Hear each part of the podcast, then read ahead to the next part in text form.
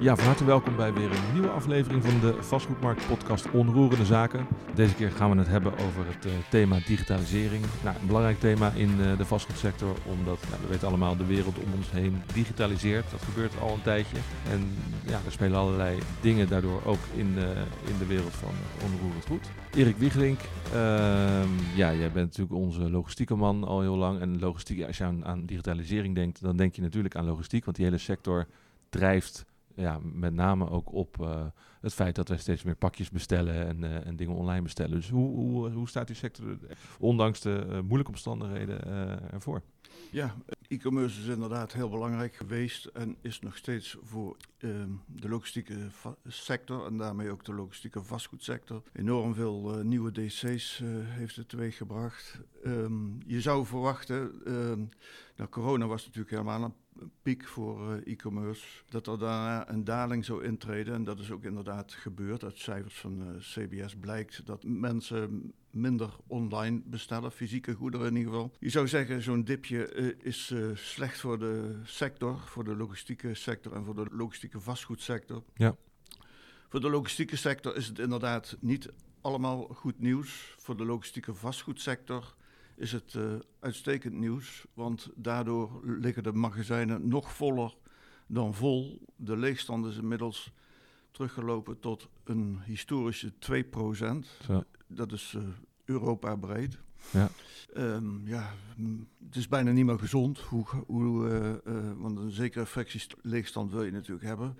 Maar om terug te komen op de logistieke vastgoedsector, ja, die, voor hen is het fantastisch. Het, het, lijkt wel alsof eigenlijk elke omstandigheid die er, die er speelt in de wereld, dat de logistieke vastgoedsector daarvan profiteert. Uh, op het moment in ieder geval wel. Uh, ja. Lijkt het wel. Uh, het is wel eens anders geweest. Ja, deze hoos en logistiek zit er eigenlijk al, ja, die loopt al tien jaar, zeg maar, met de opkomst van e-commerce. Ja, dus ondanks dat we minder pakjes bestellen, gaat het nog altijd goed. tegelijkertijd hadden we het natuurlijk eerder ook over gehad, die rente die stijgt. En die, ja, de, de, de, we zagen al dat die, die aanvangsrendementen in, uh, in logistiek vastgoed uh, erg laag lagen. Daar gebeurt wel wat, lijkt mij nu. Ja, daar zit, daar zit een spanningsveld. het betekent dat prijzen toch zullen moeten dalen, wil het aantrekkelijk blijven voor beleggers. Ook om het plaatje rond te krijgen, met name met betrekking tot de hogere financieringslasten. Mm -hmm. Ja, dan uh, als je een uh, financieringslasten hebt van 5, 6 procent minimaal en je, je aanvangsrendement is uh, 3, 3,5, ja, dan, dan werkt ja. dat niet natuurlijk. Ja, tenzij je huren natuurlijk enorm omhoog kunnen. Nou, daar ja. zit inderdaad precies de crux, want dankzij die overvolle magazijnen kunnen ze ook vrijelijk de huren omhoog gooien. Nou ja, niet helemaal vrijelijk natuurlijk, maar de, de inflatie is zo hoog dat, het, uh, ja, dat, dat, ze bijna volledig kunnen indexeren. Ja, en dat wordt, hoe reageren die uh, logistieke bedrijven, die uh, verladers daarop? je hebt twee kampen. De, het e-commerce kamp, zeg maar, de, de nieuwe logistiek naar verhouding zijn de weerhouskosten puur de fysieke kosten, dus arbeidskrachten en de, de, het gebouwhuur. Dat is maar relatief weinig van, het, uh, van de hele operatie. Ja, ja. Terwijl bij de logistieke dienstverleners, uh, ja, zeg maar de traditionele, dan zijn de marges uh, toch nog altijd flinterdun. En ja, dat heeft wel rechtstreeks effect. Ja, ja, maar er spelen daar niet van die discussies nu op dit moment over, over wat je bijvoorbeeld in de, in de retail ziet.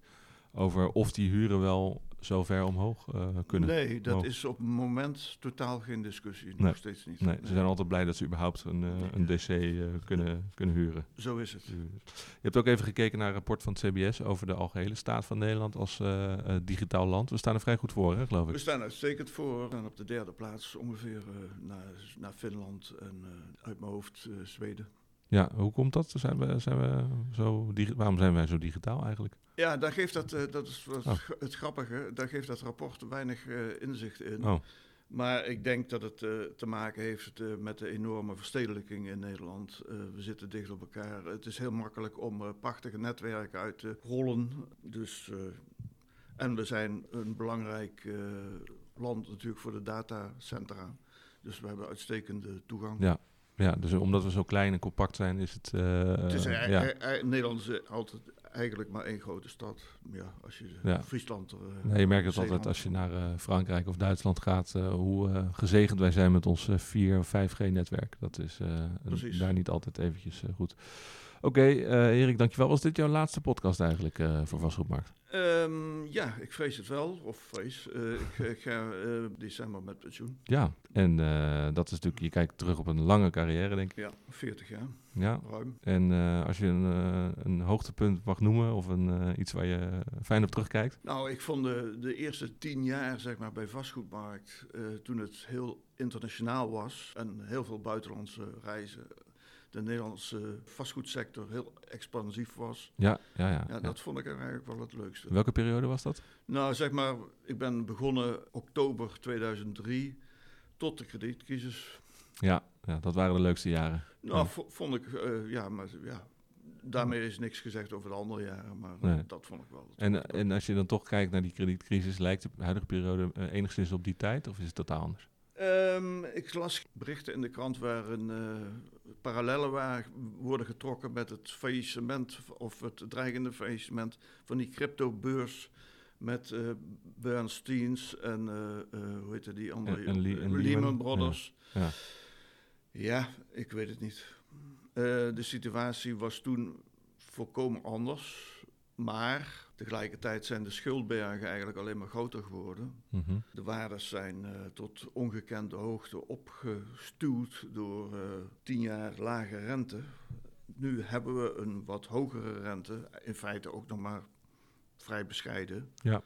De vraag is of dat het einde is, gezien eh, de torenhoge inflatie. Jij denkt van niet. Ehm, ik denk eerlijk gezegd van niet, want ik denk dat we eh, naar een loonprijsspiraal ook gaan. Als je de eisen van de FNV ziet, die willen gewoon volledige compensatie. Ja, ja. Nou ja, dat betekent dus 14,3 procent. Nou ja, dat zal hem niet gaan worden. Nee, dan, maar, dan eh, gaat half, ook- half van Nederland failliet, toch? Ja, precies. Dus het zou ook heel ongezond zijn voor de economie. Want Ja. dan zit je echt in het jaren 70, begin jaren 80 Ja, eh, schema. Waar uiteindelijk eh, een einde is aan gekomen door het akkoord van Wassenaar in 83. ja. Waardoor afgesproken werd dat de lonen niet meer zo. eh, dat er ontkoppeling was. geen automatische prijscompensatie meer. Ik hoop niet dat het zover gaat komen. Maar ben je, ben je positief gestemd? Ehm, ga je met een beetje goed gevoel je pensioen in? Of, eh, nou ja, die inflatie die, eh, is natuurlijk niet bevorderlijk voor, je- voor je pensioenomvang. Nee, nee dat, dat baart wat zorgen, dat kan ik me voorstellen. Nou ja, ik, hoor, ik hoorde eh, vanmorgen op de radio dat steeds meer eh 65-plussers ook blijven werken vanwege het aanvretende inflatie op het pensioen. Ja, en dat was jij ook van plan, geloof ik. ja, maar niet om die reden. Gelukkig heb ik is mijn pensioen redelijk riant, dus dat is niet de reden waarom ik als freelancer doorga. Dus we gaan je nog terug horen. Eh, ik hoop het wel. Misschien niet op deze podcast. Fijn, oké, dankjewel Erik. Peter Hanf, senior redacteur eh, voor Vastgoedmarkt. Je volgt voor ons de kantorenmarkt. We worden net al bij, bij Erik, de logistieke markt, even voordat we het over digitalisering gaan hebben, dat daar ja, toch vaak wel die, eh, die inflatie wordt doorgeïndexeerd. Hoe, zit, hoe is dat op de kantorenmarkt eigenlijk? Hetzelfde. Ja? Ja. Ik moet eerlijk zeggen, ik had het niet verwacht. Omdat ik dacht van dat eh, met indexeren je misschien wat voorzichtiger bent als je ook wat leegstand riskeert op de lange termijn. Maar eh, ik, ik kreeg al wat signalen dat dat eigenlijk eh, volle map geïndexeerd werd. Toen heb ik er ook wat partijen specifiek over bevraagd.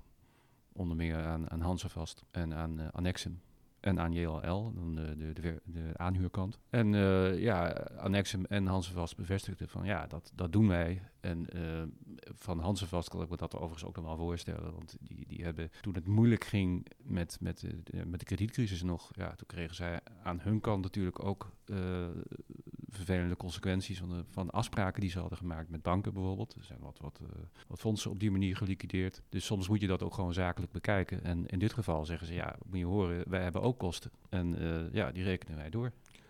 Ja, en is het, is het zakelijk ook, als je het zakelijk bekijkt, eh, in de huidige tijd van eh, hybride werken, eh, werkgevers, bedrijven die naar kantoormeters kijken, is het dan wel zakelijk zo slim om die huren zo erg te verhogen? Ja, dat is natuurlijk een goede vraag. Kijk, wat ik, waar ik het net over had, was meer de, de morele kant van de zaak. Maar Mhm. er zit natuurlijk een bepaald risico in. Ja, de, het idee is toch van, ja, voor de komende, ja, hoe lang loopt zo'n overeenkomst? Dat kan natuurlijk twee jaar zijn, maar ook tien. Ja, binnen is binnen. Ja. Maar aan de andere kant, ja, totdat je het niet meer hebt. En mensen zeggen, nou, die kantoormeters die, eh, die zijn toch een stuk duurder dan eh, toen, toen, ik, eh, toen ik het huurde. Ja, ja. En dat risico, ja, dat is men blijkbaar bereid om te nemen. Ja. Of zie je misschien dat die bedrijven dat dan toch ook weer gaan doorberekenen in hun, in hun prijzen die ze, die ze gaan vragen voor hun producten die ze eventueel, of diensten die ze verkopen. Dat je dus echt in die spi- spiraal komt, waar we dan met z'n allen meedoen. Nou, ik, ik heb het niet aan de huurders van Hansenvast en Nee. Annexum gevraagd van... eh, Goh, wat gaan jullie, nu- jullie nu doen? Hè? Eh, dat, maar dat Dat kun je moet- inderdaad voorstellen dat het ja. gewoon een olievlek is die, die, die, door de, die door de hele economie heen gaat. Ja, En en dat de- je niet, niet zelf zegt van nou, ik neem het op mij om een soort van dam op te werpen tegen de inflatie Nee. ten koste van mijn verdiensten. Want dat, ja, dat, dat gaan mensen misschien niet doen. Nee, wat ook wel goed voor te stellen is natuurlijk. Ja, Over eh, digitalisering eh, eh, gaan we het hebben. Ja, als je het over digitalisering hebt bij de kantorenmarkt, dan heb je het denk ik misschien over het hybride werken, zullen mensen denken. Aan de andere kant worden kantoren ook steeds slimmer, geavanceerder. Dus de fysieke kantoren worden ook steeds digitaler. En ja, ik kan me herinneren dat het op de redactie daar, we hadden het al een paar keer erover gehad. We vroegen ons af, ja, hoe slim zijn die dingen nou? Hè? Dus dat, dat lampen vanzelf aangaan, dat kan al sinds de jaren 90, misschien wel jaren 80. Ja. Eh, en, en dat kunnen we toch niet meer als slim beschouwen. Dus jij, jij bent er eens in gaan duiken. En, en eh, ja, wat, hoe slim zijn onze kantoren nou eigenlijk? en, Nou, hoe- en hoe, hoe kom je erachter? Hoe meet je dat? ja, eh, nou, de, de werktitel van het verhaal was de grote IQ-test voor kantoren. Ja, dus ik ben vol goede moed aan de slag gegaan. Dus ik dacht, dan moeten we misschien eerst een soort van eh, ja, vragenset hebben van wat, wat, hoe, identi- hoe identificeer je een eh, slim kantoor. En vervolgens ga je dus, ga je dus de, de- kijken van wat daarvan waargemaakt wordt. En v- vooropgesteld, kijk, ik heb echt wel het idee dat er, eh, dat er kantoren zijn die, die veel slimmer zijn dan, dan andere kantoren.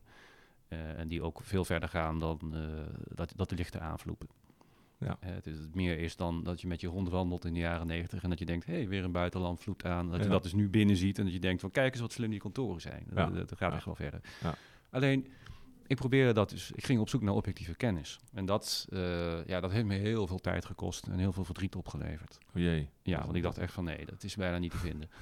Ehm, dus ik, eh, dan, dan moet je dus denken van, eh, rond je desk research, je gaat eens kijken van wat, wat is er eigenlijk te vinden. Nou, het bergen met marktonderzoek van aan, aanbieders van slimme systemen. En eh, dat, dat is dan meer de commerciële kant. Eh, aan de, eh, aan de, de academische kant heb je dus wel partijen die zich hebben verdiept in wat gebruikers zoal verwachten. Maar gewoon een soort van overall beoordeling van de toegevoegde waarde van het slimme kantoor als totaalconcept. Op het niveau bijvoorbeeld waarop je een duurzaam kantoor zou beoordelen. Nee. Dat is er niet. Maar je hebt toch allerlei eh, certificeringen en... en, en eh, Ja, op onderdelen. Dus op- ja, ja. Hè, een wired score bijvoorbeeld eh, Ja. voor, de, voor de connectiviteit. Maar, maar het, het totaalconcept is wat dat betreft denk ik nog niet zo eh, rijp eh, dat je dat gaat... Dus eh, dit is geen smart certificaat. Dat je zegt van nou, eh, ik ben smart eh, en ik krijg 10 punten op, eh, op mijn eh, slimheid van mijn kantoor. Dat, dat bestaat nog niet. niet op het totaal eh, Hm. pakket. Ja, dus allemaal stukjes. eh, Ja, ervan. wel, wel, Ja. wel op onderdelen. Kijk, eh, je hebt natuurlijk wel, je hebt, je hebt, je hebt eh, de BREEAM natuurlijk. Ja. En wat ik al zei, wired score. Ehm, maar we hebben het hier eigenlijk over het totaalproduct van, van een, een slim kantoor, wat ook een, een, een werkgever helpt bij zijn bedrijfsprocessen en, en je in staat stelt om het gedrag bijvoorbeeld van medewerkers te sturen op een andere manier dan bijvoorbeeld de boeman uit te hangen. Dus eh, niet ja, eerder belonen dan, dan straffen. Eh, een kantoor wat bijdraagt aan, eh, is het nou war on talent of for talent? Dat vroeg ik me net af. Maar in ieder geval iets, iets wat ervoor zorgt dat je, dat je mensen aan je bindt, Ja. binnenhaalt en houdt. en dat jij dus dat voordeel hebt ten opzichte van andere werkgevers. Nou, het, de, de bijdrage van het kantoor aan die aspecten te, te, nou ja, eh, te kwantificeren, dat is, dat is bijna onmogelijk. En ik- heb je een, kan je een indicatie ge- geven van hoe, lang, hoe belangrijk het dan is dat zo'n kantoor smart is? Want het lijkt me natuurlijk be- belangrijk dat het op een goede plek staat. Hè? Locatie is belangrijk. Dat, dat het er fijn werken is. Dat er fijne werkplekken zijn. Dat soort dingen lijken me allemaal erg eh, relevant. Heb jij een idee hoe belangrijk werknemers het nou eigenlijk vinden dat zo'n kantoor dan ook super slim is? Ik denk dat vooral werkgevers het belangrijk vinden. Ja, ja dus de vraag komt bij werkgevers vandaan. Nou, die hebben dan meer mogelijkheden om het gedrag uh, van hun werknemers te, te monitoren. Ja. Uh, en ja, dat, dat soort informatie kun je natuurlijk, als je dat, uh, tenminste de privacy een beetje in acht neemt, natuurlijk ook gebruiken voor je, voor, voor, je werkproces. Maar ik, ik weet niet of... Maar met gedrag bedoel je dan hoe vaak ze in een bepaalde ruimte komen en hoe lang ze dan daar doorbrengen en wat ja, ze daar dan doen? En wanneer ze komen, wanneer? En met, wie ze, met wie ze samenwerken en, en hoeveel interactie er is, hè, hoe, hoeveel mensen van, van, van verschillende afdelingen die, die anders misschien vanuit een soort van verkokerd uh, hokje uh, hun ding zouden doen. Uh, ja, toch, toch geïnspireerd raken, kennis opdoen en zo. Dat, dat soort dingen kun je natuurlijk monitoren. Ja, en, dus dit, en ik neem aan dat het ook op het gebied van efficiëntie en kostenbesparing een, een ding is voor, voor bedrijven. Ja, en dan heb je het vooral over de, de spreiding over, over de werkweek. Nou ja, kijk, wij, wij, wij zitten hier nu, we, we, hebben boven misschien een handdoekje gelegd en je komt er dan misschien achter dat, dat iedereen uh, graag op dinsdag en donderdag komt. Nou ja, dat, uh, ja. dat, dat, soort dingen kun je misschien met een, een intelligent kantoor iets, iets beter spreiden ook. Ja, ik kan me voorstellen dat als bepaalde ruimtes op vrijdag vrijwel nooit worden gebruikt, dan hoef je die ook niet te verwarmen in de winter en, en hoeft daar het licht niet aan. Hè? Dus dat je kan. Kunt, je kunt ook op, op energie besparen dan. Dat kan, maar je kunt ook proberen te ontdekken van of er partijen zijn die misschien wel op vrijdag willen komen. Ja, ja, ja, ja. Uh, heb je een, een, soort, toch, ondanks dat het er niet is, zelf een soort standaard ontdekt waar een kantoor aan moet voldoen om het smart te laten zijn? Uh, integratie van systemen. Uh, dus dat je bijvoorbeeld als je aanrijdt, dat dan je, je binnenkomt, je, je kenteken wordt herkend. En dat dan in ieder geval duidelijk is uh, met wie uh, de gebouweigenaar uh, de eer heeft. Dus koppeling van systemen. Ik denk dat dat wel een belangrijke is. Daar zitten natuurlijk ook weer privacy aspecten bij. En het is echt mm. niet zo dat, dat je dan vervolgens automatisch kunt doorlopen bij de receptie. Maar dan heb je al wel een idee van wie er aankomt. Maar in het algemeen kun je zeggen van, kijk, ieder gebouw wat een beetje wat voorstelt, als ik goed begrijp, heeft een um, gebouwbeheersysteem. En die data die gaan ergens naartoe. Dus, maar dat is er al 25 of 30 jaar. Ik denk dat de crux op dit moment vooral zit in de koppeling van die, uh, van die databases aan de achterkant. En daardoor kun je uh, als facility manager gewoon uh, alles op een dashboard krijgen. En kun je gewoon wat meer gaan kijken van wat gebeurt er nu eigenlijk echt in dat gebouw. In, Mhm. in een soort van totale samenhang. En dan heb je te maken met een, een slim gebouw. En dat, dat klinkt natuurlijk een beetje abstract. Maar om, om een voorbeeld te noemen, Edge, natuurlijk een van de partijen die ik daarvoor ja. over heb ondervraagd, heeft een, een COVID-knop. En een COVID-knop betekent eigenlijk van uh, je, je hebt de laatste eisen van, van het uh, RIVM. Van nou ja, hoe, hoeveel mensen ergens kunnen zijn, wat, wat er met de luchtkwaliteit mag gebeuren en zo. Je kunt het dan inkloppen. En dan zit je hier te vergaderen en plotseling gaat, ja, krijg je een signaal van... jongens, het wordt echt tijd dat jullie even naar buiten gaan. Want ja. uh, uh, ga even luchten of ga wat anders doen. Maar mm -hmm. uh, blijf niet te lang bij elkaar zitten. Want dan, ja. dan loop je een risico om iets door te geven of zelf besmet te raken. Ja. ja, je noemt Edge. Dat is natuurlijk de, de naam die bij veel mensen op zal komen als het om slimme kantoren gaat. Dat heeft Koen van Oosterom heel eigenlijk fantastisch gedaan. Ja. De vraag die mensen natuurlijk wel stellen is, is hij zijn die kantoren inderdaad echt zo uniek? Of zijn er ook heel veel andere kantoren die eigenlijk hetzelfde kunnen, maar is uh, nou, bijvoorbeeld de marketing van Edge gewoon veel beter dan van, uh, van die andere partijen? Of zijn die kantoren wel echt veel beter dan de andere kantoren?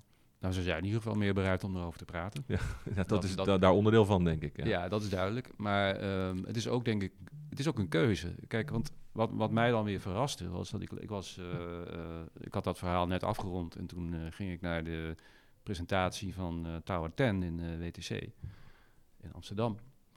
En daar is het woord smart niet of weinig of nauwelijks gevallen. Dus het kan ook gewoon zijn dat ze zeggen van nee, dat, wij profileren ons niet. Dus we Ja. hebben niet echt heel erg veel aandacht gehad voor de gebouwtechniek.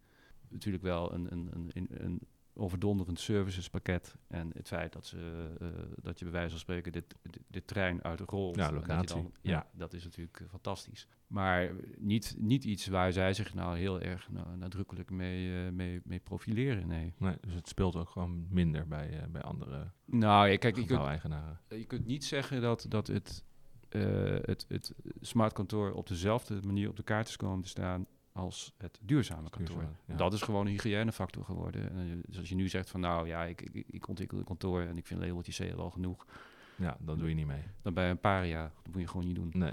Eh, maar gaat dat ook komen, denk je, op het gebied van slimme kantoren? ik denk dat het niet zo snel zal gaan als met eh, Hm. duurzame kantoren. Ik denk wel dat het, ja, het zal geleidelijk oprukken, maar Ja. eh, je hebt ook niet diezelfde rugwind van, van een klimaatfilm die een Oscar krijgt, bijvoorbeeld. Hè? Zoals met eh, Nee. en, en Nou ja, goed, het, Inconvenient het, het is, het is misschien meer een middel ook om Ja. die duurzaamheid te kunnen bereiken. Dat je als je kantoor heel efficiënt en Ja, slim is, kun je klopt. ook veel duurzamer zijn. Ja, in die zin kun je ook zeggen dat, dat, dat ze het als duurzaamheid 2.0 eh, ook, ook van een, ja, een, een middel Ja, inderdaad. een middel, onderdeel daarin. Oké, Ja. dank Peter. Sander van der Ploeg, redacteur woningen voor Vastgoedmarkt. Welkom. Ja, dankjewel. Ja, digitalisering en woningen. Eh, waar moeten we dan aan denken? Digitalisering en woningen, dan denk ik vooral aan eh, automatische taxaties. Kijk, ja, dat is natuurlijk een hot topic. Ehm, bij woningen vooral. Ja. Eh, ik kan me herinneren dat je tegenwoordig, ik weet niet of het nog steeds kan, dat je woning volledig in, in, in een minuut of zo kunt laten taxeren en dan weet je ongeveer wat je woning waard is. Ook op basis van, van allerlei data die online vindbaar zijn. Dus dat is best ver, toch? Dat, eh, Eh, ja, in theorie heb je gelijk. Ja. In de praktijk mag het nog niet. Tenminste, geen volledige digitale taxatie. Ehm, tot voor kort, tot vorig jaar zomer, kon je je woning digitaal laten taxeren. En dan kon je tot 90% van de woningwaarde lenen op basis van die digitale taxatie. ja. Dus er was een onzekerheidsmarge van 10%. En die is eh, bedoeld om eventuele fouten van het systeem te ondervangen, zodat je dus niet overgecrediteerd wordt. Eh, bovendien zijn niet alle woningen even goed vergelijkbaar. Eh, een monumentale boerderij in het Groningse gaswinningsgebied is echt een ander verhaal dan een blok rijtjeshuis in Almere Haven, om maar wat eh, te Ja. noemen. Maar dit mag dus ook niet meer, begrijp ik uit je woorden. Jawel, het mag wel. Ehm, maar de Europese bankautoriteit heeft zich er, ermee bemoeid. Mhm. En volgens de EBA zou, zouden banken te veel uitlenen op basis van digitale taxaties. Mhm. Dus eh, nu mag je huis wel digitaal worden getaxeerd. Alleen moet een taxateur van vlees en bloed wel kijken naar de resultaten die uit het systeem komen rollen. En daar zijn of haar eindzegen op geven. En dat kost natuurlijk nog steeds gewoon eh, geld. En dat kost natuurlijk gewoon nog steeds geld. Ja, dus heeft het niet zoveel zin meer om het eh, te gaan eh, laten taxeren? Nou, digitaal te taxeren. Nou, dat is niet helemaal waar, want het is nog steeds sneller en, en goedkoper. Goedkoper. Eh, en vooral als je bijvoorbeeld je hypotheek wil ophogen, dan is een, zo'n hybride taxatie, zoals dat heet, een, een prima optie. Ja. Eh, ik denk wel dat voor eh, als je echt een huis wil aanschaffen, dat de gewone taxateur daar nog een flinke vinger in de pap heeft. Ja. Ja. Ja. Maar ehm, dat is woningen. Je bent eens gaan kijken van, ja, oké, dit werkt goed bij woningen. Bij, woningen eh, zijn natuurlijk ook veel transacties, dus er is veel data waar, je op, waar zo'n algoritme dan naar kan kijken. Ja. Bij commercieel vastgoed is, ligt dat toch anders? Ja, dat, ja, dat ligt echt anders. Eh, ik was benieuwd hoe dat met, eh, met commercieel vastgoed eh, zit. Ehm te meer ook daar kantoren of DC's. dat zijn echt op zichzelf staande gebouwen die heel erg van elkaar verschillen. Ook de locatie hangt, is natuurlijk ook anders. Het is anders dan het blok Rijtjeshuis in Almere Haven, waar ik het net over had. Tegelijkertijd is er wel een grote wens vanuit de markt om dergelijke ontroerend goed ook snel digitaal te kunnen taxeren. Dus ik was benieuwd hoe het daarmee, eh, daarmee stond. En, hoe staat het daarmee?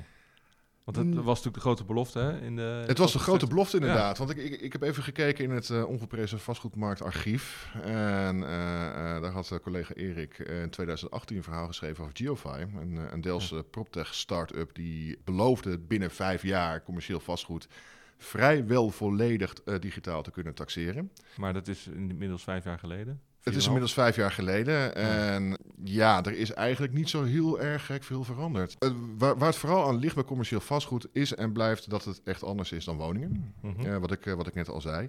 Maar het tweede punt is, en dat is nog, denk ik nog van, van, van groter belang, commercieel vastgoed wordt minder verhandeld dan Ja. woningen. Ja. Dus je hebt minder transactiedata. Ja. Transactiedata die ook niet echt door de markt wordt gedeeld. Wat het natuurlijk moeilijker maakt voor een model om bijvoorbeeld een markthuur uit te rekenen. Nou ja, goed, moet ik mezelf herstellen. Een markthuur, dat kan dan nog wel. Maar wat de reëel betaalde huur is, en de incentives die erbij horen, en de voorwaarden die erbij horen, Ja, ja, dat is allemaal concurrentiegevoelig. Ja. Maar dat is wel essentiële informatie eh, om een AVM, een Automatic eh, Valuation Model. Zoals dat dan En dat voluit bij heet, te voeden. bij woningen minder, want dan kijk je toch gewoon vaak naar de waarde van het pand, ongeacht een huur die, er, eh, die erop zit. Eh, Ja, want bij een woning kun je er ook gewoon Ja. vrij gemakkelijk achter komen wat, eh, wat ervoor is betaald. Ja. Het is gewoon openbaar informatie via het kadaster. NVM heeft daar heel veel informatie over. Dus Ja. Ja, dat kun je op zich bij commercieel vastgoed ook wel, maar dan weet je niks over die huurcontracten die daar Precies. aan vastzitten. Ja.